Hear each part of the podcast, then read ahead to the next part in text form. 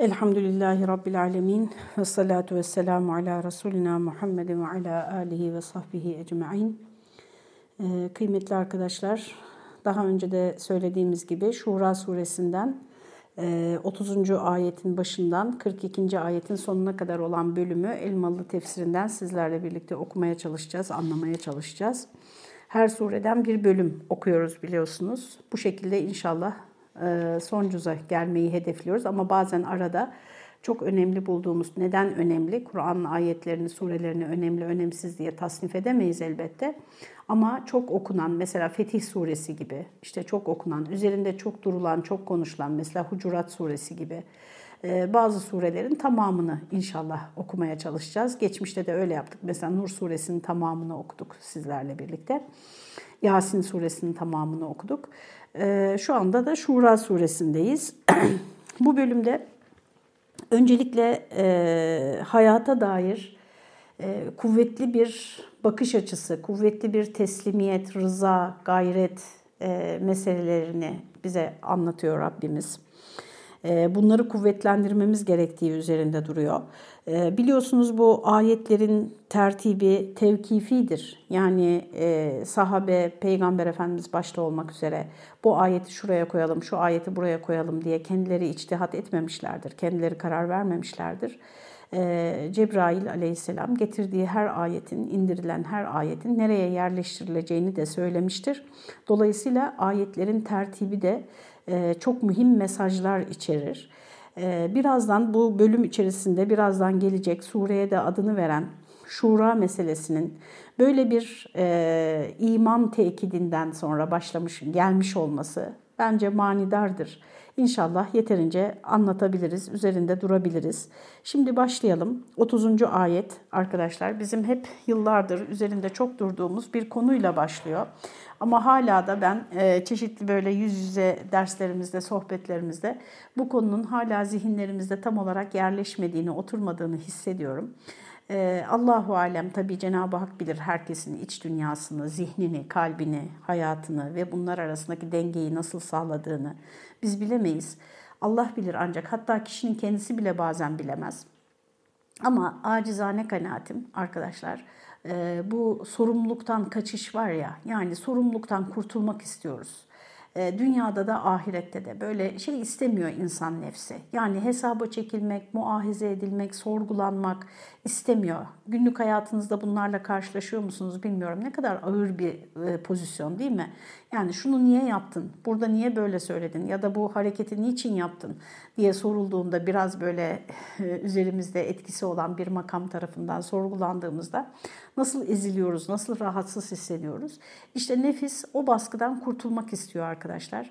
E, acizane kanaatim yani çeşitli dinden uzaklaşma e, veyahut da dine hiç yanaşmama e, tarzlarının da arkasında bunu eğer tabii bilinçli olarak yapıyorlarsa kör bir taklitle değil de e, bu sorumluluk meselesi var. Çünkü e, inandığı prensibi ciddiye alan kişi için arkadaşlar bir şeye inanmak bir yüktür yani. Yani söz gelimi işte ben diyorum ki size Elmalı tefsirini okuyacağım. İşte bu tefsirden her sureden bir bölüm size okuyacağım diyorum. Bunun benim üzerimde nasıl bir e, yük oluşturduğunu, böyle biraz e, uzarsa, aralar çok uzarsa veyahut da bazen ihmal edilirse diyelim ki e, nasıl bir e, vicdan azabı oluşturduğunu tahmin edebilirsiniz. Her türlü sorumluluk böyle işte. E, dolayısıyla şimdi anlatacağımız bölümde bizim böyle kaçmak istediğimiz bir hususa hem ayet-i kerime çok açıkça işaret ediyor. Tefsirde de Elmalı Hamdi Yazır bir iki cümleyle detayını veriyor. Konu şu arkadaşlar daha fazla merak etmeden hemen başlayalım. Bismillahirrahmanirrahim. Cenab-ı Hak buyuruyor ki وَمَا أَصَابَكُمْ مِنْ مُصِيبَةٍ فَبِمَا كَسَبَتْ اَيْد۪يكُمْ Başınıza ne musibet geldiyse kendi ellerinizin kazancı iledir. Elmalı merhumun e, verdiği meal böyle. Şimdi bakın hemen sorular hücum etti değil mi zihinlerimize? Ya işte benim bir dahlimin olmadığı olaylar var. İşte dünya tarihinde ben falan dönemde doğmuşum? O dönemde olan olaylarda mı benim e, efendim şeyim, kabahatimin sonucu? Yaptığım, başıma gelen her şey yüzünden kendimi sorgulamalı mıyım öncelikle? Bu çok ağır bir yük değil mi? Özellikle günümüzde e, çok e, kuvvetli bir moda var. Efendim kendime şefkat göstermek, kendime kendimi affetmek, kendimi sevmek, işte kendimi onaylamak gibi şey yapmıyorum, tenkit ederek söylemiyorum arkadaşlar. Hani bir tarafta böyle kuvvetli bir cereyan varken diğer taraftan da olan biten her şeyden kendini sorumlu hissetmek. Hatta kevni hadiselerden. Yani işte bir ne bileyim bir felaket olduysa ondan da ben mi sorumluyum? Mesela bunu duymayı hiç kimse istemiyor arkadaşlar. Biz de biz de yani e, topluma bir şeyler söylemek mevkiinde olan hiç kimse de bunu söylemek istemiyor. E, dile almak, e, dile getirmek istemiyor. Dile getirdiğimizde büyük tepkilerle karşılaşabiliyoruz. Tabii böyle bir haddimiz de yok. Böyle bir e, yetkinlikte de değiliz. Yani siz şunu yaptınız veya biz bunu yaptık. İşte o yüzden Allah Teala bunu bize verdi. Yani bu sebep sonuç ilişkisini biz icat edemeyiz, uyduramayız. Fakat böyle umumi konuya umumi bakan bu ifadeler Kur'an-ı Kerim'den arkadaşlar e, yaşadığımız her hadisede büyük küçük doğrudan bizim özel hayatımızla ilgili olsun olmasın. E, öncelikle yani ben bunu e, hak edecek bir şey yapmış olabilir miyim? Bir yanlışım olabilir mi? Veya ne olabilir? Ne yapmış olabilirim? Yani çünkü ayet açıkça söylüyor başınıza gelen ne musibet geldiyse ve ma esabakum. Buradaki ma'nın kapsamını, kuşatıcılığını birazcık Arapça bilmek yeter anlayabilmek için arkadaşlar başınıza her ne geldiyse diyor. Yani ufak büyük demiyor, doğrudan sizin özel hayatınızla ilgili demiyor. İşte istisnası yok yani. Ve ma asabekum min musibetin başınıza her ne musibet geldiyse fe bima kesebet eydikum. Sizin ellerinizle kazandıklarınız yüzündendir diyor Allah Teala. Tabii ki elbette ki arkadaşlar takdir ederiz ki bir olaydaki sorumluluk e, eşit değildir herkes için. O olaya dahlimiz nispetindedir. Yani o olayla ne kadar ilgilenmişsek, bizim o olaydaki ihmalimiz, suçumuz veyahut da eksiğimiz ne kadarsa e, sorumluluk da o kadardır. Dolayısıyla yani burada bir adalet gözetilecektir. Bundan yana hiçbir endişemiz yok. Rabbimiz el adildir. Yani adalet denince akla ne geliyorsa onların hepsi ve daha fazlası ancak ve ancak Allah Teala için düşünülebilir. Asla ve asla hiç kimse zerre kadar bir toz tanesi kadar bile haksızlığa uğramayacaktır. Ama işte o makam, o her şeyi bilen, her yaptığı iş bir adaletle, hikmetle olan, hatta adaletinin de üstünde, yani Cenab-ı Hak hepimize adaletiyle davransaydı sadece, hepimiz helak olmuştuk arkadaşlar. E, adaletinin de üstünde rahmi birazdan söyleyecek zaten, rahmetiyle, şefkatiyle pek çok kusurumuzda görmezden gelen Rabbimiz böyle diyorsa, sizin yaptıklarınız yüzündendir başınıza gelenler diyorsa, arkadaşlar biraz bunda oturup düşünmekte yarar var. Tabii ki böyle kahru perişan olmadan, psikolojimizi bozmadan, kendimizi yerlere e, yerlerin altına geçirmeden yani böyle bizi e, işlevsiz bırakacak, bizi böyle elimizi ayağımızı e, felç edecek bir üzüntüye sebep olacak bir sorgulama da ideal değildir. Yani burada hedeflenen o değildir. Hedeflenen şey arkadaşlar bizi tevbeye, ıslah olmaya, kendimizi düzeltmeye, işin kendimizle ilgili kısmına odaklanmaya. Bak bu da çok önemli bakın arkadaşlar. Yani çünkü biz böyle bir e, küçük veya büyük bir olumsuz istenmeyen hadiseyle karşılaştığımızda hemen kendi dışımızda bir takım sorumlular aramaya çalışıyoruz konuyla ilgili. E, canlı örneklerini siz biliyorsunuz benim onlara girmeme gerek yok. E, kendi dışımızda aradığımız bu örnekler işte buluyoruz da birini illaki çünkü vardır illaki bir payı vardır. Bir toplumun içinde yaşayıp da yani e, bir konuya hiçbir e, katkısı olmayan kişi düşünülemez. Birini buluyoruz ve ona böyle ver yansın etmeye başlıyoruz. Bütün günahı onun sırtına yüklüyoruz. Bu bizim çok hoşumuza gidiyor. Çünkü benim burada bir suçum yok demiş oluyoruz.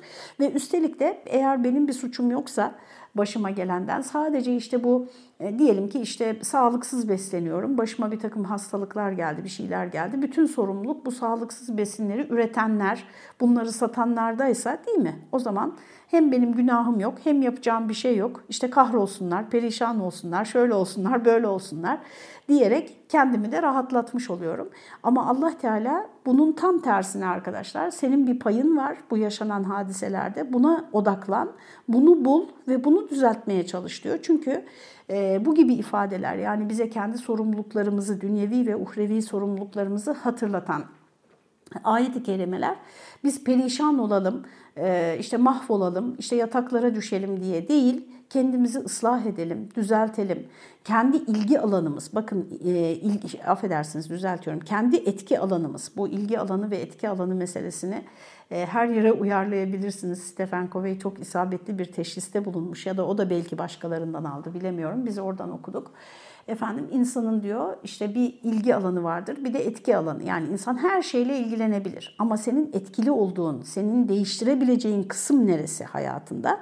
İşte oraya odaklandığında herkes de oraya odaklansa bir hayal kuralım arkadaşlar. Mesela yaşadığımız işte en son afetle ilgili herkes kendisine düşen ve kendisinin değiştirebileceği kısma odaklandığında değil mi? Yukarıya doğru bütün toplum e, değişecektir, düzelecektir. Ee, çeşitli sorumluluklarımız var. Takip etme sorumluluğumuz var. Hesap sorma sorumluluğumuz var. Efendim kendimize düşen kısmında işi kuralına göre yapma sorumluluğumuz var. E, vesaire. Bu işte e, ahlaki konularda da böyle, sosyal konularda da böyle. Başınıza ne musibet geldiyse kendi ellerinizin tesbihiyledir diyor. Ee, bundan sonraki cümlesi iki cümle arasında bir uyumsuzluk görüyorum ben arkadaşlar. Hatta başka baskılardan da kontrol ettim. Oralarda da öyle. Osmanlıca aslına bakmak lazım. Oraya bakmadım. Şöyle demiş. Bu hitap mücrimlere mahsustur. Sonra da zira sabır ile ecre veya terfi dereceye mazhar edilmek gibi diğer bir takım sebeplerle mücrim olmayanlara isabet eden musibetler de yok değildir. Şöyle anlay açıklayalım bunu. Yani burada başınıza ne geldiyse siz bunu kazandınız, siz yaptınız ifadesi günahkarlara mahsustur. Yani sen hata işledin, haddini aştın, e, sınırı tecavüz ettin, efendim isyan ettin ve işte bu başına gelen de o yüzdendir. Bu günahkarlara hitap ediyor. E, fakat diyor e, günahkar olmadığı halde başına böyle musibet gelenler de var. Onlar nedir? Onlar kimdir ve niçin onlara musibet veriliyor? Arkadaşlar hatırlayacaktır e, baştan beri yani daha önceki konuşmalarımızı da dinleyenler. Ben buna e, not yükseltme sözlüsü diyordum. Sabır ile ecre veya terfi dereceye mazhar edilmek gibi diğer bir takım sebeplerle.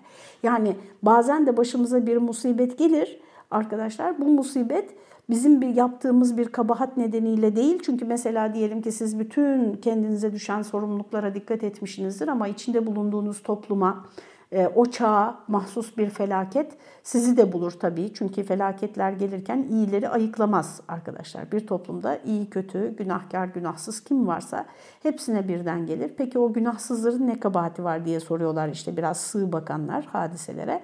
Onların bir kabahati yok. Onlar da sabırla buradaki ifade açıklamayı yapalım. Ecre mazhar olurlar yani büyük mükafatlar kazanırlar, sabırla karşılarlarsa bu yaşadıklarını veya terfi dereceye yani derecelerinin yükselmesi için onlara böyle bir e, imtihan yaşatılır. İşte o not yükseltme sözlüsü buraya çok oturuyor, çok güzel oturan bir örnek. Yani şöyle diyorduk hep, bir öğrenci düşünelim, ahlaklı, işte böyle hocalarının sevdiği, e, insani meziyetleri yüksek bir öğrenci e, fakat işte bir dersten de böyle biraz pek çalışmamış yani notu biraz düşük. E, hocası da istiyor ki ben bunun karneye bu düşük notunu vermeyeyim biraz daha yüksek olsun. İşte teşekkür alacaksa takdir alsın veya dereceye girsin her neyse. Fakat bunu da böyle kendiliğinden yapmak istemiyor haksızlık olmaması için. Ona diyor ki seni sözlüğe kaldıracağım diyor. Pazartesi günü mesela bugün işte çarşamba günü diyelim e, haber veriyor. İşte pazartesiye hazırlan seni şu bölümden sözlü sınav yapacağım diyor. Eğer öğrenci hocanın hocası hakkında hüsnü zan beslemiyorsa bunu kendimize uyarlayalım, bu hadiseye uyarlayalım.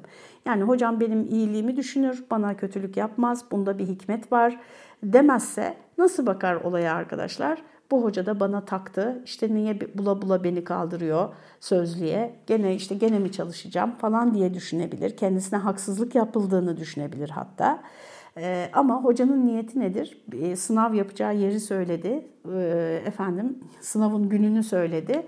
Ona kolay sorular sorarak Zaten işte buradaki olaya e, benzetecek olursak yani tekrar dönecek olursak e, Cenab-ı Hak kulunun o derecesini yükseltmek istediği kulunun e, bir olay başına geldiğinde nasıl davranacağını biliyor. Sabırla karşılayacak, hilimle karşılayacak, isyan etmeyecek, itikadını bozmayacak, kalbini bozmayacak Cenab-ı Hakk'a karşı ve o güzel ahlakı ve sabrı sayesinde ibadetleriyle ve diğer iyilikleriyle yükselemediği derecelere onu yükseltecek Cenab-ı Hak. İşte burada bize düşen arkadaşlar ne çıkıyor buradan? Diyelim ki biz bir hata işlediğimiz için başımıza bir musibet geldi. Eğer o hatayı bulabiliyorsak hayatımıza bakıp ya ben şunu eksik yaptım, şurada yanlış yaptım. O yüzden bu oldu. Evhama kapılmadan arkadaşlar. Kendimizi böyle kıyasıya, e, kıyma makinesinden geçirmeden e, efendim bulabiliyorsak onu düzelteceğiz, tevbe edeceğiz, efendim düzelteceğiz ve e, daha düzgün bir şekilde yaşamaya başlayacağız. O zaman bu musibet bizim için bir nimet olacak. E, eğer hatamızı bulamadıysak Belki biz bulamamışızdır, belki biz farkında değilizdir o yaptığımızın. Yine tevbe edeceğiz, yine Cenab-ı Hakk'a sığınacağız, yine sabırla karşılayacağız. Arkadaşlar isyan etmeyeceğiz, inkar etmeyeceğiz, e, nankörlük yapmayacağız. Cenab-ı Hakk'a yine kazanacağız. Yani her durumda eğer biz bir hata yapmışsak da, bir hatamız yoksa da her durumda başımıza gelen musibet bizim için bir kara dönüşebilir. Bunu ne zaman anlayacağız arkadaşlar? Ne zaman anlayacağız? Şimdi e, içinizden cevabı veriyorsunuz. Ancak ve ancak bunu yevmi mahşerde anlayacağız. Bu bakımdan benim acizane kanaatim her zaman ifade ediyorum. E, kadere ve ahiret gününe, dirilişe bilhassa yani imanı zayıf olanın e, başına gelen hadiseleri anlamak ve yorumlamakla yorumlamak konusunda zihnini selamette tutabilmesi imkansızdır.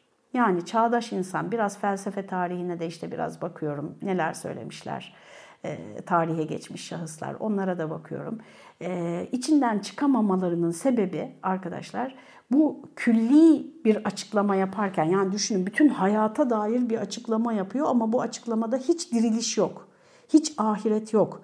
Hiç o yüce e, planlayıcının, o yüce yaratıcının e, dahli yok. Yani onun hiçbir kararı yok. Sadece insan kendi kendine bir parçası olduğu sistemi Buranın bunun da altını çiziyorum. Yani o sistemin dışında değilsin ki sen dışarıdan bakabilip de onu yorumlayabilesin. Sistemin içindesin, onun bir parçasısın, bir dişlisisin, bir çarkısın.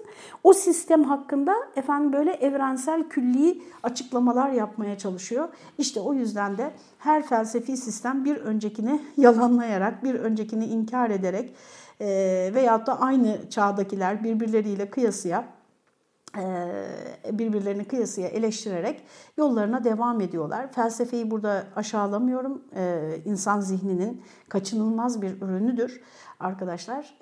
Yani keşke işte bu inanç esaslarıyla buluşturabilselerdi yollarını. İnanmak böyle bir zenginlik, böyle bir e, konfor arkadaşlar. Bazıları tabii bunu da küçümsüyor. İşte siz böyle kolayca inandığınız için hiçbir şeyin üzerinde düşünmüyorsunuz falan diyor.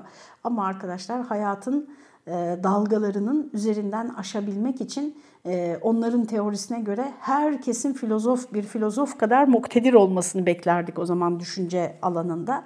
Bu mümkün olmayacağı için iman bizi sahili selamete ulaştıracak ve e, kontrol edemediğimiz, bizim kontrolümüzün dışında, gücümüzün ve etki alanımızın dışında kalan olaylarla barışabilmemiz ve böylece e, bu efendim e, kaçınılmaz olarak e, kötülüklerle karşılaşacağımız, zorluklarla karşılaşacağımız bu hayatta akli ve ruhi dengemizi kaybetmeden ilerleyebilmenin en önemli şartı, en büyük gücümüzü biz oradan alıyoruz. Zaten diyor Elmalı merhumda Bakara suresi 155. ayet-i kerimeye atıf yaparak e, Cenab-ı Hak bunu bize haber vermişti diyor. Neydi ayet-i kerime? Ve lenebluvennekum bi şey'in minel havfi vel cu'i ve naqsin minel emvali vel enfusi ve semerat.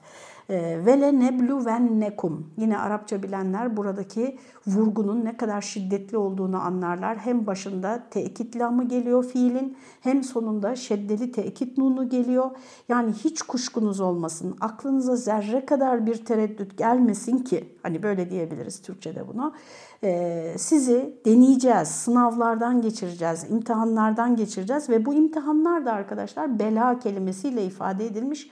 Yani böyle çok böyle hani kolay imtihanlar değil. Çünkü bazen o da imtihandır. Yani zenginlik, sağlık, mutluluk bunlar da imtihan olur. Ama burada e, belalardan, sıkıntılardan, şiddetli imtihanlardan bahsediliyor. Bunu, bunu hepiniz yaşayacaksınız diyor hem de detaylara giriyor. Minel havfi korkutularak olabilir bu imtihan. Vel cu'i açlıkla olabilir.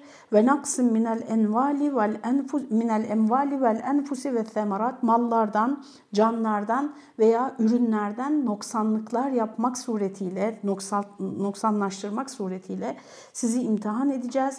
Ve beşiri sabirin işte bu imtihana karşı tavrımız da söyleniyor. Yani bu kitap öyle bir kitap ki arkadaşlar bunu bunu kavradığımızda, bunu özümsediğimizde her bir ayetini, her bir kelimesini her Müslümanın detaylı bir şekilde kavramasını beklemiyoruz ama ana fikrini, verdiği mesajı ki bunu işte asırlar boyunca ulemamız nasihatlar yoluyla, vaaz nasihatlar yoluyla yaygınlaştırmıştır.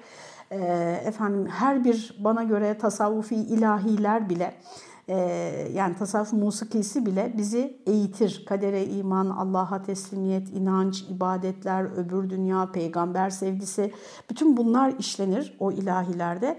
Böylece bize bu ana fikri iliklerimize kadar hem sanat yoluyla hem e, bilgi yoluyla hem duygu yoluyla iliklerimize kadar işler ve böylece dediğim gibi az önce biz o dalgalarla boğuşurken boğulmadan yani dalgaların her birinin üzerinden aşarak yolumuza devam ederiz.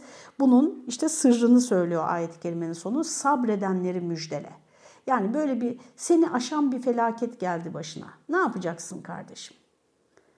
Şikayet et, efendim yakın, kendine acı, insanlara kız, bağır çağır, efendim depresyonlara gir, bunalıma gir.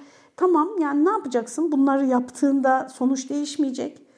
Ee, diğerinde de değişmeyecek. Ha şunu demiyorum sakın öyle de anlaşılmasın arkadaşlar. Yani işte deliye her gün bayram gibi başımıza ne gelirse gelsin gülelim, eğlenelim, hiç sorgulamayalım, hiç üzerinde düşünmeyelim. Zaten ayet öyle demiyor ki yani kendi hatanı bul diyor bize ve onu düzelt diyor. Şimdi ee, bakın az önce söylediğim gerçek burada bir kez ayetin sonunda tekrar dile getiriliyor. Ne demiştik demin? Her başımıza gelenden dolayı Allah Teala adaleti gereği her yanlışımızda bizi cezalandırsaydı yeryüzünde şu anda hayat kalmazdı. Yani insan diye bir varlık kalmazdı. O yüzden Cenab-ı Hak diyor ki evet sizin başınıza gelenler ellerinizle yaptıklarınız yüzünden ama veya fu an ketir çoğunu da Allah affetmektedir diyor.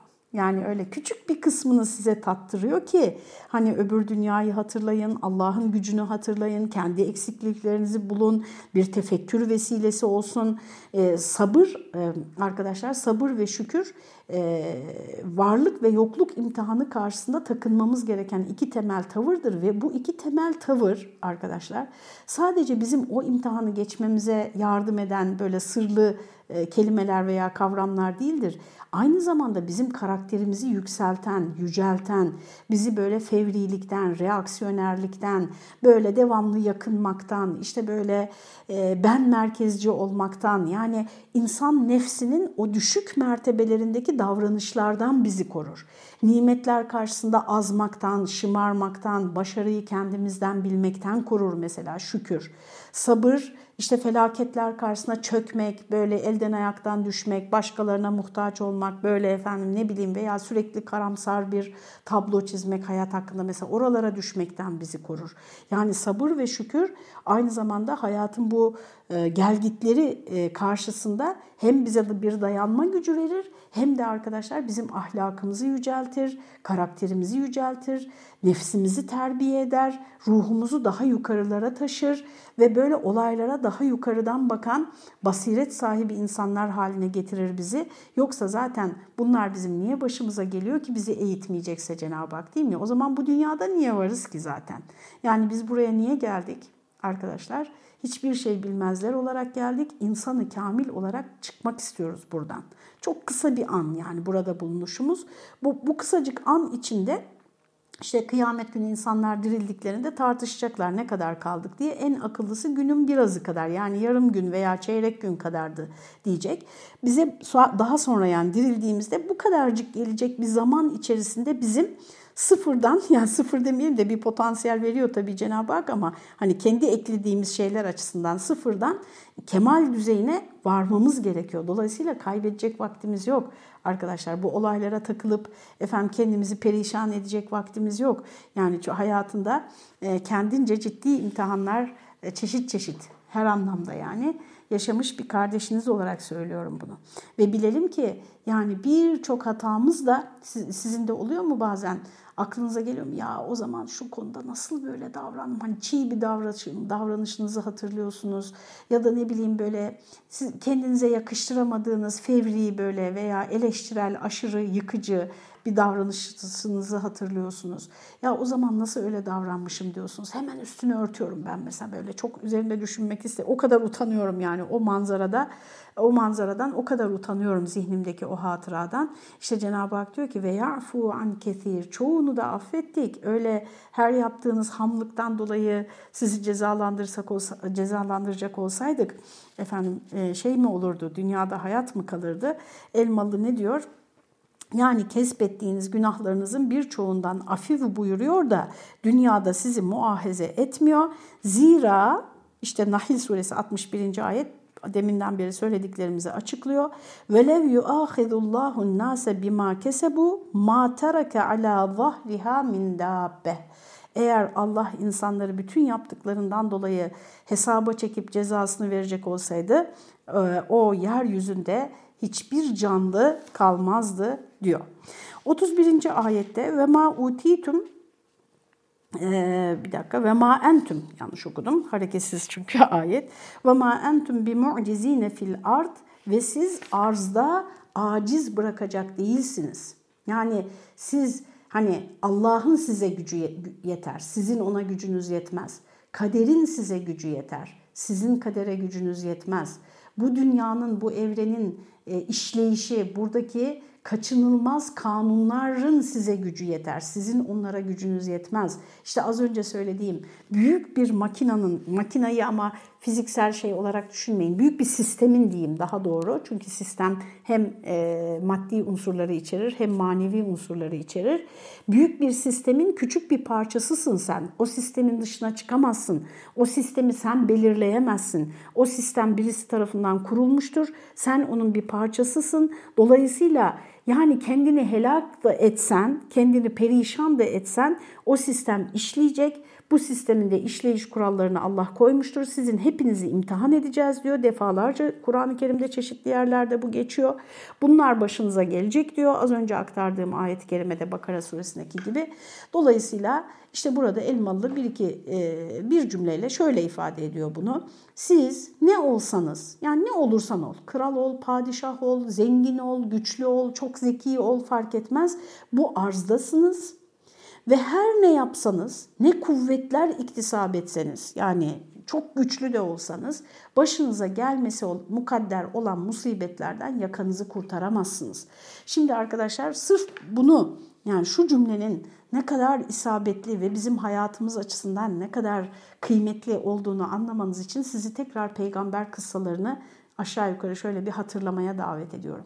Yani manevi mertebeniz yüksek olsa da siz imtihanlardan sıyıramazsınız. Şunu unutmayalım. İnsanın Allah katındaki mertebesi yükseldikçe imtihanları da şiddetlenir.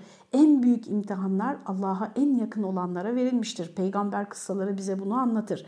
Sabahta konuşuyorduk. Efendim bir düşünün arkadaşlar peygamberleri şöyle aşağı yukarı yani böyle dört başı mamur ailesiyle, çoluğuyla, çocuğuyla, işte ne bileyim eşiyle, dostuyla hiç böyle sıkıntısız, böyle güzel, işte yazın yazlıkta, kışın kışlıkta böyle efendim bütün ihtiyaçları karşılanmış, işte böyle giysileri mevsimine göre, gününe göre, yerine göre her şeyi yemesi, içmesi var mı öyle bir peygamber arkadaşlar?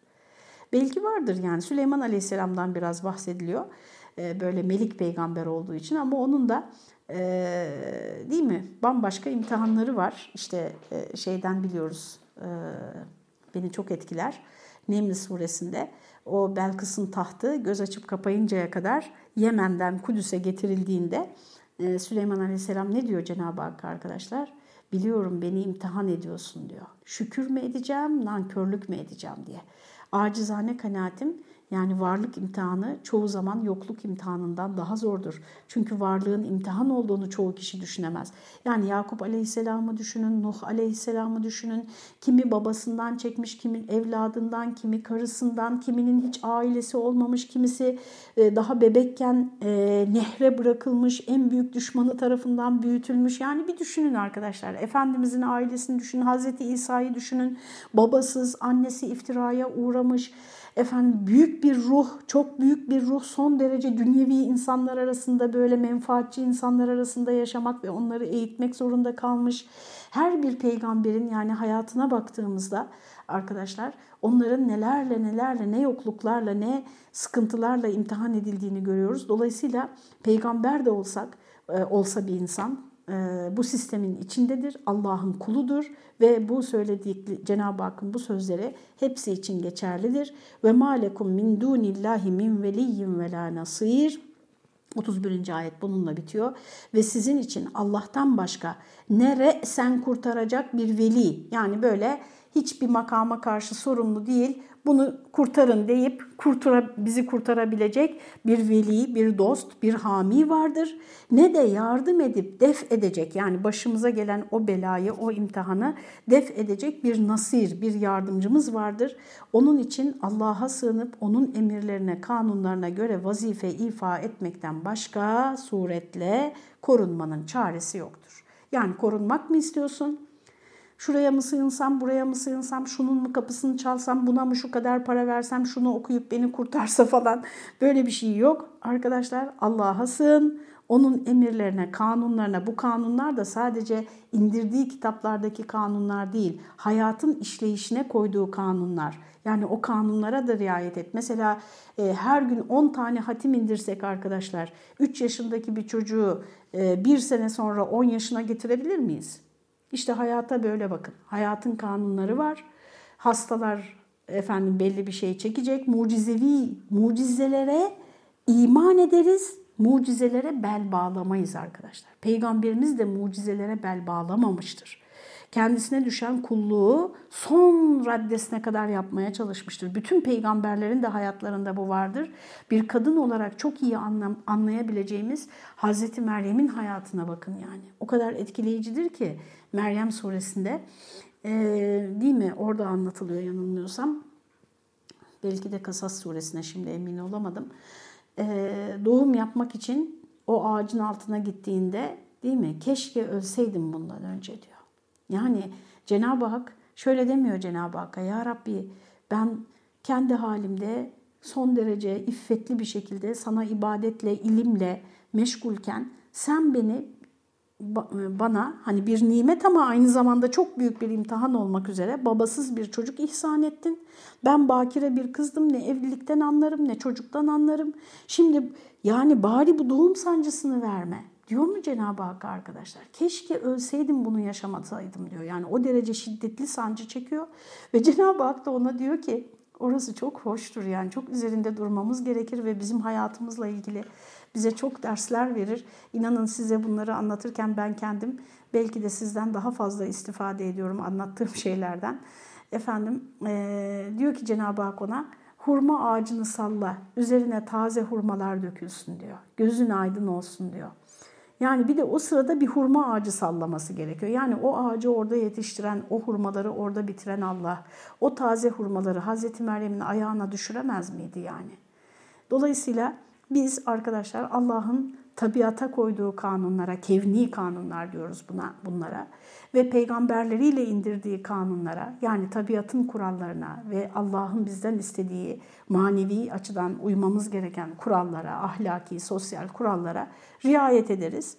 Bize düşecek olan budur. Allah'a sığınırız. Onun için arkadaşlar böyle bir sıkıntıyla karşılaştığımızda bize ne öğretilmiştir? Hasbunallahu ve ni'mel vekil, ni'mel mevla ve ni'mel nasir. İşte bu ayete bu ayetin bu cümlesine bir cevaptır o. Sizin için Allah'tan başka ne bir dost var ne de bir yardımcı. Biz ne diyoruz? Hasbunallahu ve ni'mel vekil. Allah bana vekil, Allah bize yeter. O ne güzel vekildir. Ni'mel Mevla, o ne güzel dost ve ni'mel nasir ve ne güzel yardımcıdır. Allah'ım ben senden başka hiç kimseye sığınmıyorum, hiçbir şeyden medet ummuyorum. Sadece senin dostluğuna, veli ismine değil mi? Bakara suresine o ayette muhteşemdir. Allahu veliyyüllezine amenu yuhricuhum minel zulumati ilen nur. Bununla bitirelim. Bu da bizim duamız olsun arkadaşlar bu rahmetli günde. Efendim Cenab-ı Hak diyor ki e, Allah müminlerin velisidir. Onları karanlıklardan aydınlığa çıkarır. Ama dediğim gibi 3 yaşında bir çocuk bir gün içinde 5 yaşına 10 yaşına gelmeyeceği gibi bizim de bazı imtihanlardan kurallarına uyarak geçmemiz gerekir. Allah isterse mucizevi bir kurtuluş verir ama isterse de vermez. Biz bir kuluz arkadaşlar. E, kulluğumuzu yerine getirmeye bakarız. Mucizelere dediğim gibi iman ederiz ama bel bağlamayız. Böylelikle 32. ayet-i kerimeye gelmiş olduk. İnşallah onu da bir dahaki sefere okurmayı Allah nasip eder. Allah'a emanet olunuz şimdilik.